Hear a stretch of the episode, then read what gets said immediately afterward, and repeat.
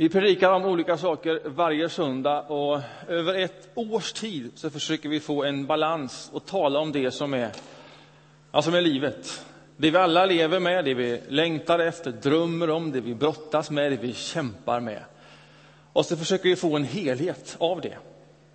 Och den här söndagen så kommer jag att tala om ekonomi eh, och om pengar och om generositet. Det gör vi i den här kyrkan ett par gånger per år. Just för att det är en stor del av våra liv.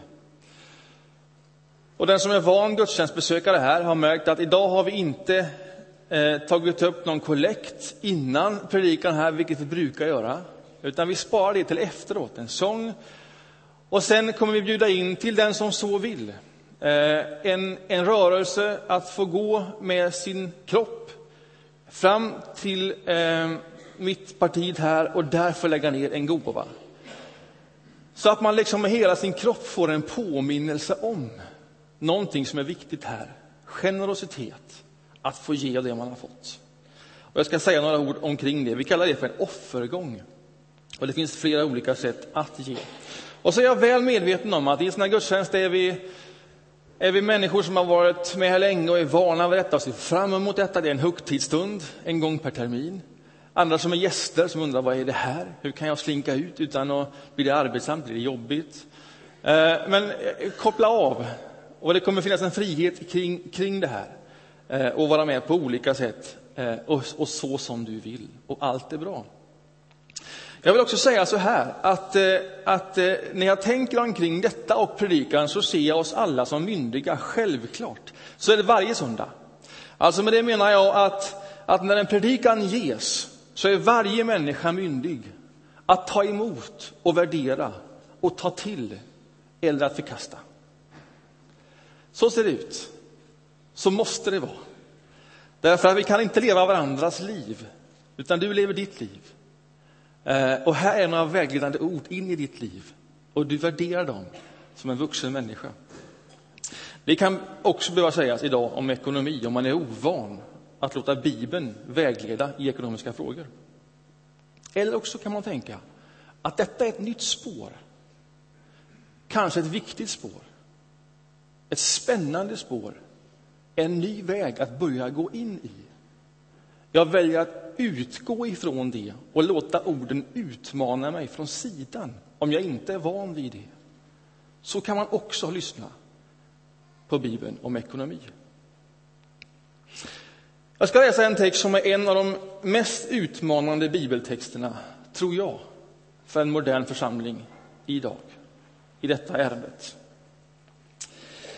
Alltså, vad grundar jag på att detta är en utmanande bibeltext? Jo, i mitt arbete så möter jag inte bara den här församlingen, utan jag möter många olika församlingar omkring. Eh, och det kan man nog säga om de allra flesta församlingar man möter ledarskapet hos att ekonomin är någonting man kämpar med. Samtidigt som privatekonomin är väldigt, ofta väldigt stabil. Men den kollektiva ekonomin, det är liksom som att de där två går inte riktigt hand i hand i stort. Det är inte ovanligt. Eh, de församlingar som inte brottas med ekonomin, nu är jag väldigt generell, men av det jag hör och det jag lyssnar in, det är de vars tidigare generationer har gjort rejäla satsningar, köpt fastigheter och grejer, eller skapat business kopplat till kyrkan som i sin tur och efter många år genererar ett rejält överskott. Och då kan man nog säga generellt att det är inte heller hundra, därför att det gör någonting med generositet. In i detta är det jag ska läsa. När jag började som föreståndare så sa den första ordföranden till mig då, eh, när vi talade om ekonomi, någonting som var väldigt, väldigt klokt. En församling ska alltid vilja mer än man har pengar till.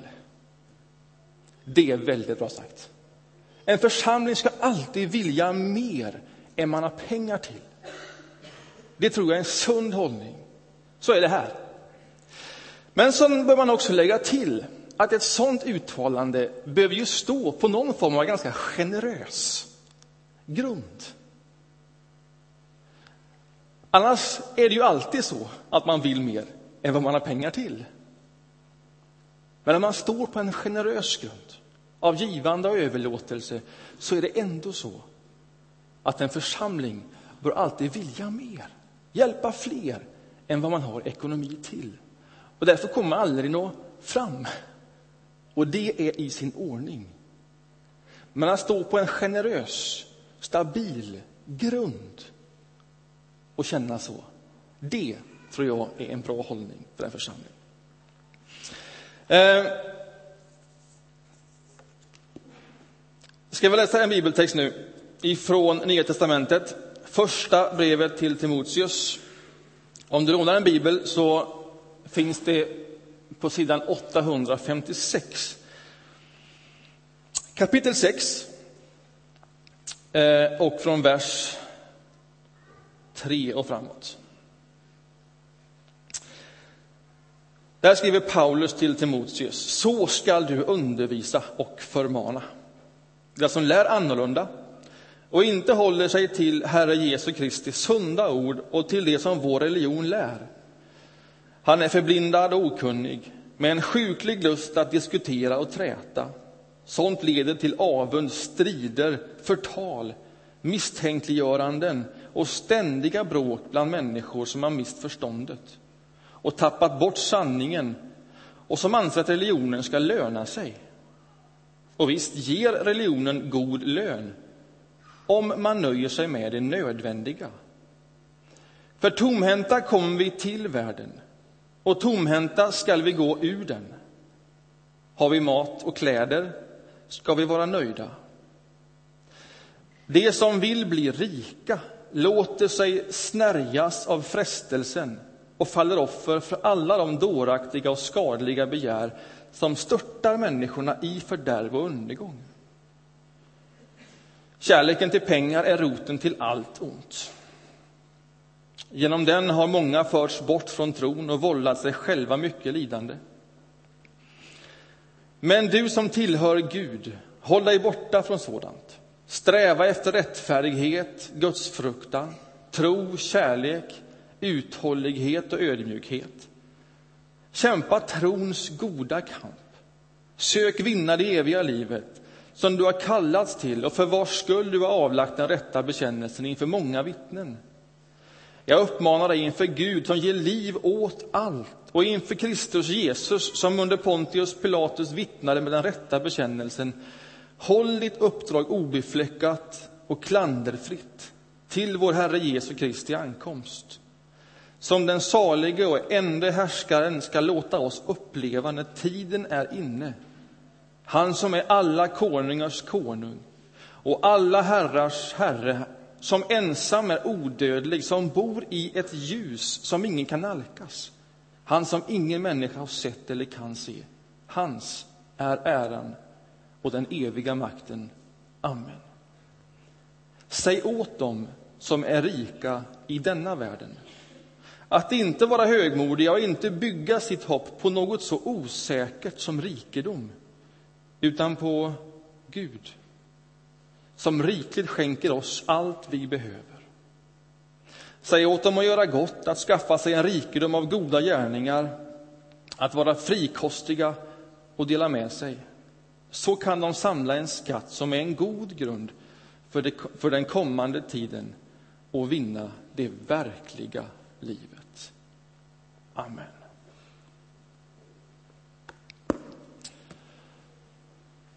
Det här är en text in i vår församling, in i alla församlingar, in i det liv som vi alla lever på olika sätt, med olika förutsättningar. Han eh, avslutar ett långt brev här av råd och förmaningar, uppmuntran till den yngre församlingsledaren Timoteus. Och som Paulus ofta gör så lägger han inte bara på nya saker, utan han kommer längre fram i sitt brev så kopplar han tillbaka, så går han liksom i cirklar och så fångar han upp det han har sagt tidigare och så tar han ett varv till och så fångar han upp det. Och så är det också här. När han nu summerar sitt brev så fångar han också upp mycket av det han har sagt tidigare. Och sen liksom ger han det i en sista liksom vända till Timoteus, koncentrerat. Och så säger han, det här är nu viktigt. Det handlar om människor som lär annat än det som är sunt och gott och eftersträvansvärt. Och vad är det de lär annat? Ja, det ena, säger han, som är signifikant för de här falska lärarna, det är att de har en sjuklig lust att diskutera och träta. Det ska jag inte ägna mycket tid åt. Men det är en av två saker som ligger i brevet. Varför är det så viktigt att göra någonting med det där? Att hindra den där sjukliga lusten att diskutera och träta. Jo, därför att den sortens driv, i vilken fråga det än är, tenderar att till sist tvinga människor att välja sida. Och på det sättet dela upp församlingar i olika schatteringar, i olika grupperingar. Och det blir inte bra. Det splittrar en församling. Om det liksom aldrig tar slut. Se upp för det. Ge dig inte in i det, för det tar aldrig slut.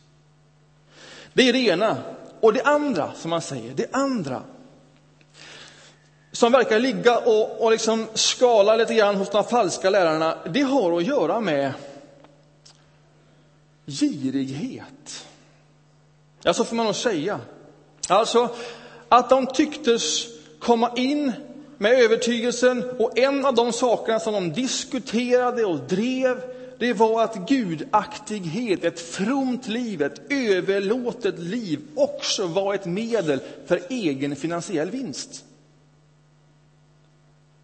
Det fanns ett direkt samband mellan överlåtelse och finansiell egen vinst. Det är intressant. Det är Paulus på Timoteus. Och han varnar starkt och tydligt för den omedelbara kopplingen. Och så säger han, ja men visst är det så att det lönar sig Visst är det så att vår religion, kristen tro, det lönar sig. Visst är det så. Och sen accepterar han det, han bejakar det. Och så lägger han till, om man nöjer sig med det allra nödvändigaste. Det där är ju en viktig komplettering på att religion lönar sig. Och på vilket sätt skulle religionen förse mig med det allra nödvändigaste? Alltså på vilket sätt skulle den löna mig och när jag läser det här så tänker jag att Paulus talar i och utifrån den församlingen som han också gett sitt liv för. Det vill säga det är människor som har, ger frikostigt och generöst och delar med sig. Och när man gör det så lider ingen nöd i den församlingen. Där finns för alla människor kopplade i församlingen och kring församlingen, där finns det allra nödvändigaste som behövs för att leva. Därför att så är församlingen tänkt och skapt och ska vara. Att i den här gemenskapen och omkring den, ja men där lönar det sig i den meningen att här svälter ingen. Här hjälper man varann, här delar man med sig, här finns för alla det nödvändiga i livet. Därför att det är församlingen. Men det bygger ju på att man delar med sig. Det bygger på att man är frikostig och generös. Därför att förutsättningarna i en församling då och nu ser oerhört olika ut. Så om det ska vara så att religion lönar sig när man ger råd till en församling så bygger det på generositet utifrån de förutsättningar man själv har. Inget annat. Inget annat. Och det är ju en av de sakerna som man blir så glad över i denna kyrka. att det faktiskt händer. Och när man tittar ut i vår församling så kan man tänka att detta är en alltigenom homogen församling med liknande förutsättningar. Men det är inte mycket man behöver skrapa på varandras liv för att veta att så är det inte alls. Och att få se här på veckobasis på olika sätt hur generositet och behov möts. Det är Guds församling när den är som allra vackrast. Men det bygger på generositet och att vi delger varandra varandras behov som är olika. Och vi har alla behov. Och varför skulle vi göra detta? Varför skulle någon ge ifrån sig på det sättet, generöst? Ja, då säger Paulus, det är enkelt. Tomhänta kom vi hit och tomhänta går vi härifrån. Det är hans starka argument. Han gör det inte svårare än så. Alltså om, om vårt ursprung inte har någonting att göra med strävan efter egen rikedom och bygga på hög. Och om vårt mål inte har någonting att göra med vår strävan efter rikedom och bygga på hög. Varför skulle någonting här emellan handlar om att sträva efter rikedom och bygga på hög? Det är fullständigt irrationellt för en kristen människa. Det är Paulus väldigt enkla argumentation. Väldigt enkla argumentation. Alltså, om vi är på väg någonstans, om vi är på väg för att där förvandlas och bli till ett med Jesus Kristus. Och om det inte har någonting med rikedom att göra, hur låter jag då det målet redan här och nu spilla över på mitt liv? För mitt liv nu formas av hur jag själv tänker, varifrån jag kommer och var jag är på väg. Man skulle kunna ta Paulus ord så skulle man kunna säga, alltså han ställer egentligen en väldigt enkel fråga. Alltså, varför skulle egentligen någon enda människa vilja bli rik? Alltså det har inte någonting att göra med en kristen människas mål. Och när man ställer frågan så, så blir det, det blir provocerande. Ja, men det blir oerhört provocerande. Ja, men det är klart man vill tjäna sina pengar, klart man vill bygga på hög. Man ser alla de möjligheter som det kan skapa i sin tur. Men för Paulus tycks detta vara en basal utgångspunkt för ett kristet liv. Och det går på tvärs mot allt i en tid som denna. Alltså det går på tvärs så mycket att ni nu sitter här och tänker, är han klok eller? Lätt att säga. Det är så provocerande att inte vilja sträva efter att bli rik. För många människor. Därför att det, det är en sån basal utgångspunkt i detta samhället.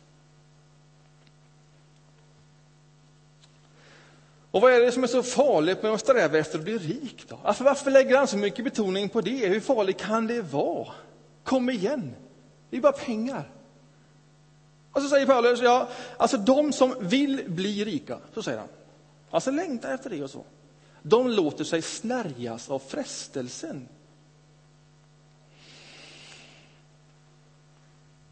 Alltså, vad betyder det här? Vad betyder det att låta sig snärjas av frestelsen? Var kommer den frestelsen ifrån? Vem är det som snärjer? Ja, det är som Paulus säger här och tidigare i brevet. Alltså, Gud är inte den enda kraften i detta universum. Det finns också andra krafter. Det finns en polär kraft. Det finns någonting som vill någonting helt annat. Som vill dra dig åt ett annat håll än vad Gud vill. Som har andra mål, som har andra syften. Och som gillrar liksom fällor. Så att vem som helst i de allra godaste intentionerna kan gå in i en fälla, låta sig frestas av det och sen vara med om en negativ utveckling i sitt liv. Alltså en fälla kommer inte bara sådär. Någon har gillrat fällan. Vem? Ja, Jesus talar om Gud och om, om mammon som saker eller pengar och att de är inkompatibla med varann. Paulus han talar om Gud och Satan. Och den som låter sig snärjas av Satan, så säger Paulus tidigare i brevet, den riskerar att ruineras som människa andligt utan att man själv liksom märker och tänker på det. Och det här är så avlägset från vårt sätt att tänka, från vårt sätt att uttrycka oss, att det nästan är möjligt att bara låta det gå förbi därför att det blir bara för underligt. Ska det någon gång gilla fällor för mig? Och som om pengar skulle vara något liksom. Ja, men kom igen, vi lever 2012. Inte 70 efter Kristus.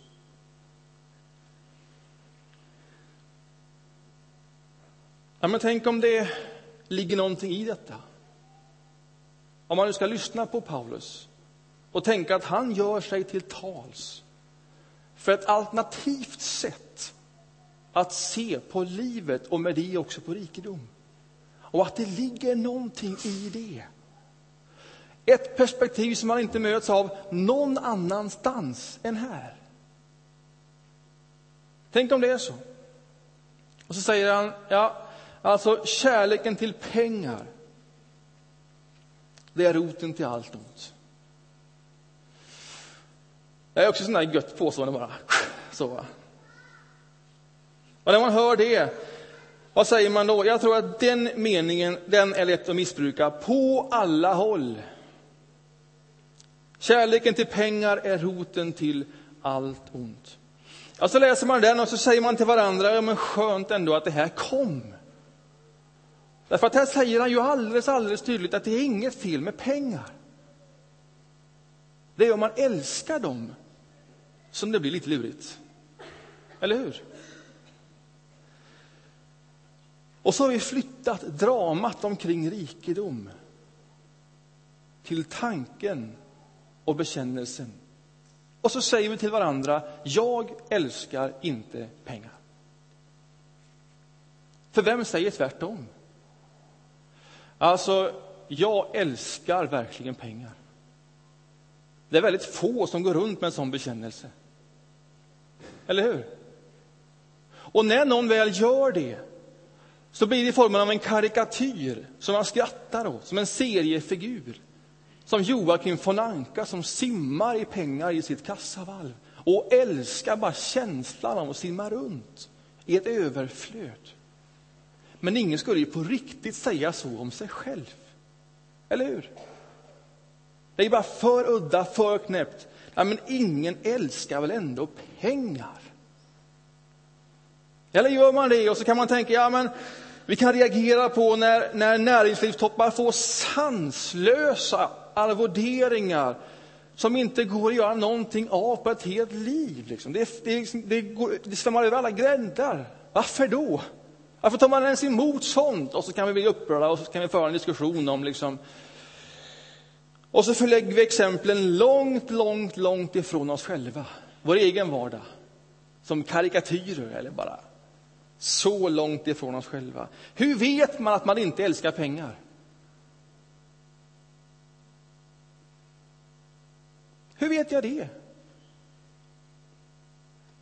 Alltså finns det någon fråga att ställa till sig själv där svaret avslöjar om jag faktiskt älskar pengar?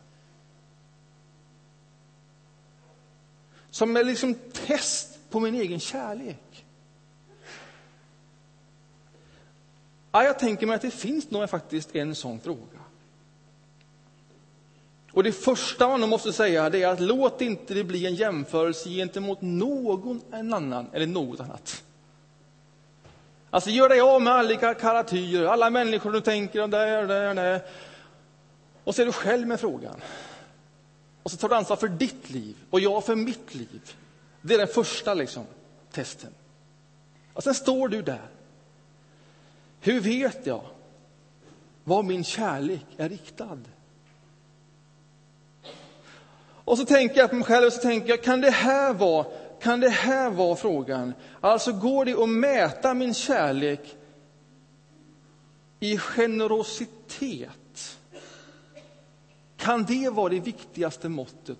Vad jag faktiskt gör med det jag har, oavsett vad jag har. Utan att jämföra det med någon annan eller någonting annat. Kan man mäta det man faktiskt älskar i generositet? Det vill säga, ger jag? Är jag frikostig? Är jag generös? Skapar jag möjlighet för andra människor till det viktiga, till det nödvändiga? Är mitt liv generöst? Är det frikostigt? Delar jag med mig? Alltså jag undrar om inte svaret på den frågan, och det är ju inte ett teoretiskt svar, hur jag skulle vilja göra, utan hur jag faktiskt gör och hanterar det som är mitt. Det blir ett svar på vart jag riktar min kärlek.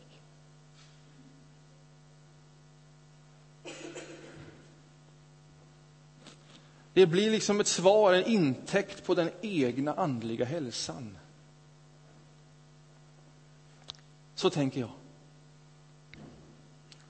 Och det här är ju som man skruvar på sig när man hör detta.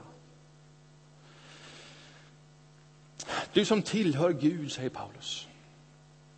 Håll dig borta från sånt. Vad är sånt? Ja, håll dig borta från det där sjukliga diskuterandet och trätandet. Och föd inte kärleken efter pengar. Det blir inte bra. Om du tillhör Gud, håll dig borta från det. Och sen visar han på en helt annan väg. Han kontrasterar liksom den vägen. Alltså säger han, sträva istället efter rättfärdighet och gudsfruktan. Rättfärdighet, det har att göra med det mellanmänskliga. Det vill säga hur jag hanterar det omkring mig och de omkring mig och min omvärld. Och gudsfruktan har att göra med det vertikala, med relationen med Gud. Alltså låt det vara ditt centrum. Och låt det horisontella och vertikala sitta ihop i en rörelse. Sträva efter det. Liksom du strävar efter tro och kärlek. Tro, alltså håll fast en tillit, lita på Gud. Och uttryck det i kärlek. Och kärlek uttrycker man genom det man gör. Låt det sitta ihop. Och håll ut. Ge inte upp.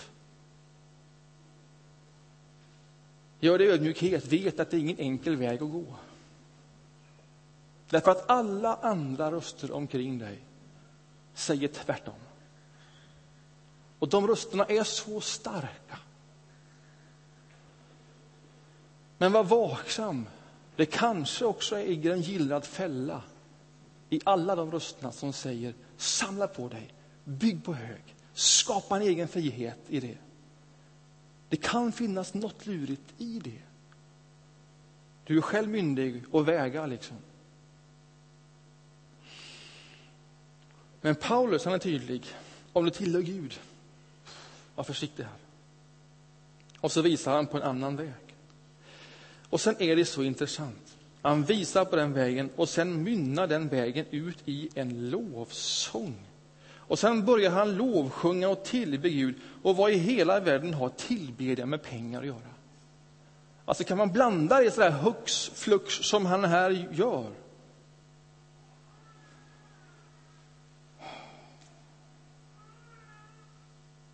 Håll ditt uppdrag obefläckat och klanderfritt till vår Herre Jesu Kristi ankomst, som den salige och enda härskaren ska låta oss uppleva den tiden är inne, han som är alla konungars konung och alla herrars herre, som ensam är odödlig, som bor i ett ljus som ingen kan nalkas. Han som ingen människa har sett eller kan se, hans är äran och den eviga makten i evighet. Amen. en alldeles fantastisk bön som man bara flödar ut i. Och det är så läckert att det kommer just här.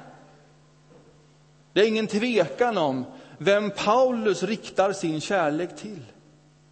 Det är ingen tvekan om vem han tillber. Varför kommer det ett stycke om tillbedjan här? Jo, jag tror att, att den man tillber, den som får mitt fokus, min uppmärksamhet, den låter jag också forma mitt liv. Den låter jag färga allt mitt liv.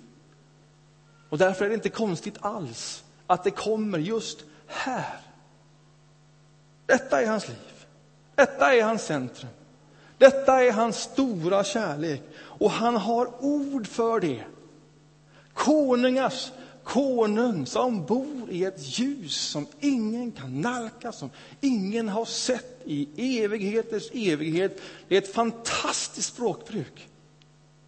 Och han är hemma i sin tillbedjan. Han har jobbat med det, han har vokabulär för det. Detta är hans första språk. Och vad är vårt första språk? Jag tror många av oss har vårt första språk på andra sätt. Vi vet precis hur man jobbar fram verksamhetsplaner och affärsplaner, hur man maximerar konkurrenskraft och annat. Det har vi alla nyanser och ord för. Där skulle vi kunna lovsjunga i sömnen. Jag har gått en kurs på Handelshögskolan nu under ett tag. En fantastisk kurs. Ledarskap, organisation, ekonomi. Och jag tänkte det kunde vara roligt att få någonting om det jag gör här, ledarskap, men på tvären för någonting annat. Och det har varit, det har varit i många stycken så intressant och så bra. Han har pumpats med information om hur man maximerar förutsättningar för konkurrenskraft, innovation och vinst. Men det som kanske är mest intressant, det är att nu och då så lyser det igenom i en flod av exempel på framgångsrika företag och artiklar och annat, så lyser det igenom någon som gjort sin affärsidé till att vara samhällsnyttig. Eller som har gjort som affärsidé miljö. Alltså inte att bara ta ansvar för den som en bisats, utan som huvudsak och driver utifrån detta. Och då händer någonting i hela klassrummet. Det fångar intresset. Då byter man fokus, då sätter det annan färg i detta rummet. Det är så spännande. Det finns en önskan, ett driv, en längtan hos alla, men exemplen är alldeles, alldeles för få. Du som tillhör Gud, var vaksam. Var vaksam på allt du matas med. Gå inte vilse. Vet vad det är du tillber. Om du är helt hemma i detta sortens vokabulär, hur man driver affärerna till fullo, men vilsen i talet om Gud. Stanna upp då. Stanna upp då. Gå ett varv till och bara ställ dig själv frågan, vem är det jag tillber? Vem är det som sätter färg på mitt liv? Och nu menar jag inte att vi alla ska gå, omkring med en sorts konstigt språk. Gud är ljus och Gud. Utan, jag menar, du har ditt språk. Men jag tror du vet vad jag menar. Är du hemma i bönen? Liksom du är hemma i ditt yrke? Det är en bra fråga.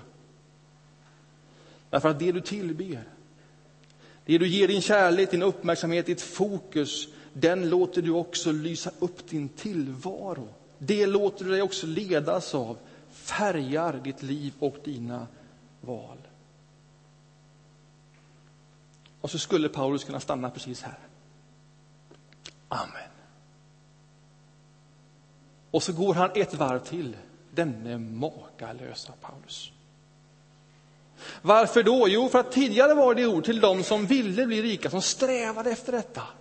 Som stod någonstans, kanske i början, och som sa detta vill jag låta bli min väg. Och nu säger han till dem som redan är rika. Säg åt dem som är rika. Det kanske är fler av oss här. Och vad är det han säger? Han säger slå dig inte till ro. Luta dig inte på det. Luta dig på Gud. Och gör det på ett sätt som märks. Alltså, vad ska du göra, du som är rik nu? Vad ska du göra med din rikedom, allt du byggt upp? Paulus han är väldigt klar. Gör gott, så säger han. Dela med dig. Var frikostig. Var generös. Enkelt uttryckt. Använd det du har. Välsigna andra människor. Låt församlingen vara församling så mycket som den bara kan bli. Så att det ännu mer blir så att i denna sortens gemenskap och i nära världar och långa världar omkring den här världen så är det så att religion lönar sig. Det finns för alla. Det är hans radikala budskap. Använd det du har. Var glad över det. Men var vaksam på vad det gör med dig. Och vad är det som står på spel? Det verkliga livet står på spel. Så säger han. Det verkliga livet står på spel. Vad är det verkliga livet? Var kommer du ifrån? Var är du på väg? Låt det få forma här och nu. Vad är viktigt här? Låt det bli viktigt här. Det här är värderingar som går på tvärs i samhället. Det här är barska ord från Paulus. Men så nödvändigt att få gå ett varv med sig själv och se vad har jag mina egna värderingar. Och så får vi åtminstone någon gång på termin påminna oss själva här om vad som är stort, om vad som är viktigt, om vad som är centralt, om vad det är vi tillber. Och sen låter vi våra handlingar få bli ett vittnesbörd om det vi tillber. Färga det fullt ut. Och det är vad vi gör i en offergång. Vi liksom bryter upp den ordningen när vi inte bara skickar de här boxarna runt varje söndag, utan vi reser oss upp. Vi går hit fram och så säger vi med vår kropp och det vi ger. Det här är mina förutsättningar. Det här är mitt sätt att ge generöst och frikostigt för någon annan människas skull.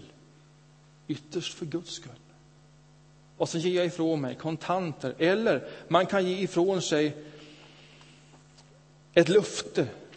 Och de lapparna finns här nere hos, hos ljudtekniken där man kan fylla i och så kan man betala in hemma. Eller man kan gå en trappa ner där det finns en kollektomat där man kan lägga in sin gåva. Eller om man inte tillhör församlingen här och inte riktigt vet vad går de här pengarna till och inte riktigt är säker på om man vill detta, men ändå vill markera för sig själv, frikostigt och generöst, det ska vara mitt liv. Då kan man ta en sån här handla för andra, en inköpslista. Det blir inte mycket mer handfast än så. Och där står vad som behövs, vad som saknas hos människor som vi möter här under veckorna. Och sen tar man den till affären och så plockar man av några saker som behövs. Diskmedel, matolja, kex, tvål, schampo, tandkräm. Och så lägger man det i en väska här nere i en låda i entrén. Och så är du med på det sättet. Och säger för dig själv vad som är viktigt för dig och hur du vill leva ditt liv.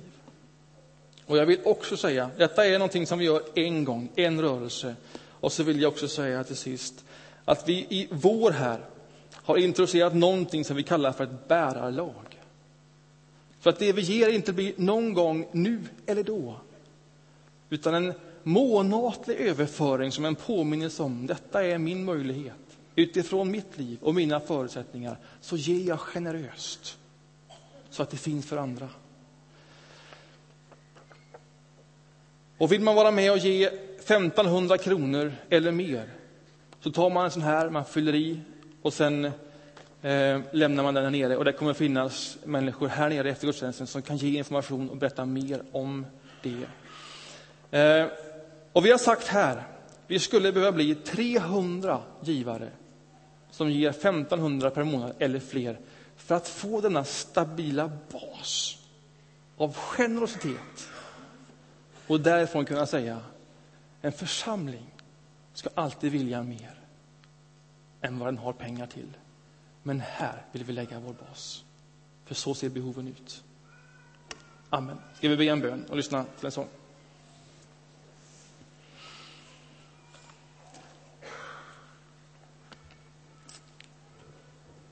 Gode Gud, du som ger oss livet. Du som ger oss det varje stund. Du som förnyar det. Tack att hela livet är en gåva från dig. Vi kom tomhänta hit och vi går härifrån tomhänta. Och allt däremellan är ett lån. Ett generöst lån. Ett vackert lån. Där du ger oss förutsättningar för att skapa, producera, bidra. Gode Gud, jag ber för mig och jag ber för oss som församling.